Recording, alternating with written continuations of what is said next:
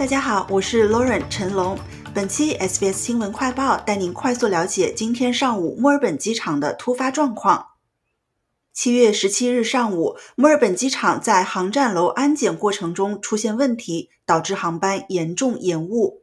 一名乘客在未经检查的情况下通过安检，机场方面需要找到该乘客并对其进行检查。这个问题直接影响了澳航的航站楼。今天上午早些时候，所有国内航班暂时停飞。澳航表示，该乘客未被安检是纯粹的人为失误。在事件被发现后，工作人员不得不通过监控录像找到这名未接受安检的乘客，并让其重新通过安检，并对行李进行检查。在墨尔本机场，一名旅客接受九号台今日节目采访时表示，当发现这一漏洞时，旅客被延误了大约四十五分钟。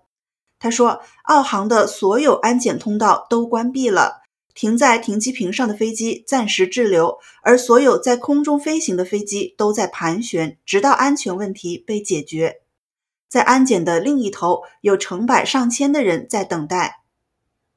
问题解决后，安检恢复正常，但预计全天都会出现延误。目前，澳航航站楼的安检已经排起了长队，而一些航班已经延误了。在2022年6月，墨尔本机场澳航航站楼也发生过类似的安检问题。感谢收听本期的 SBS 新闻快报，在任何播客平台搜索 SBS 普通话，点击订阅，开启消息提醒。即可了解澳洲国内外新闻及社区资讯。